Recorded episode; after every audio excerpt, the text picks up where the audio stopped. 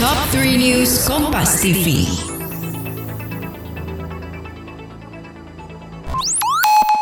Halo Sobat Kompas TV, kembali lagi di Top 3 News Kompas TV di mana kita akan update 3 berita terpopuler yang terjadi pada hari ini, Kamis 24 Maret 2022 bersama saya Aisyah Amelia Putri.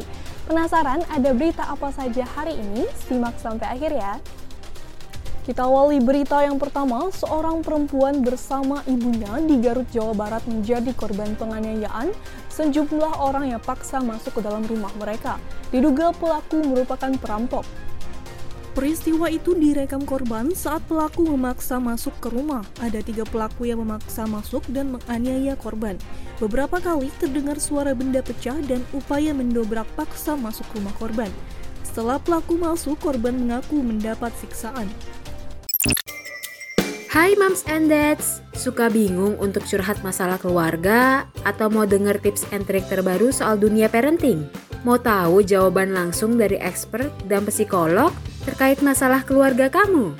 Gak usah bingung Moms and Dads, sekarang udah ada podcast obrolan meja makan. Podcast kolaborasi Nakita, Nova, dan Medio by KG Media yang akan membahas mengenai orang tua, rumah tangga, hingga perkembangan si kecil. Yuk dengerin podcast obrolan meja makan persembahan Nakita, Nova, dan Medio by KG Media hanya di Spotify.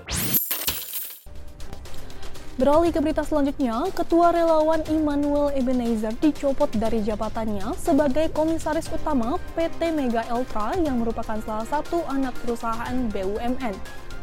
Immanuel dicopot lewat rapat umum pemegang saham yang berlangsung pagi tadi. Immanuel Ebenezer mengatakan tak ada alasan pasti soal pencopotannya. Pencopotan Immanuel sebagai komisaris BUMN berlangsung tak lama setelah ia sempat hadir sebagai saksi meringankan dalam sidang terdakwa kasus terorisme Munarman. Korban investasi bodong berkedok trading binary option Binomo hari ini mengadu kepada Komisi 3 DPR. Para korban meminta bantuan Komisi 3 DPR untuk menyelesaikan kasus yang tengah diusut oleh polisi tersebut. Perwakilan dari korban penipuan investasi bodong Binomo meminta Komisi 3 sebagai mitra kerja dari Polri dapat membantu para korban karena menderita kerugian yang banyak. Korban Binomo berharap DPR dan pemerintah membuat aturan kejahatan finansial di industri digital agar kejadian serupa bisa ditindak tegas dengan cepat.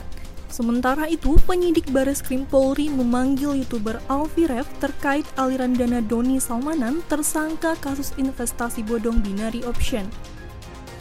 Sahabat Kompas TV, itu dia tadi tiga berita terpopuler yang terjadi pada hari ini. Sudah saatnya saya Aisyah Amalia Putri pamit undur diri. Jangan lupa untuk like, komen, dan share video ini ya.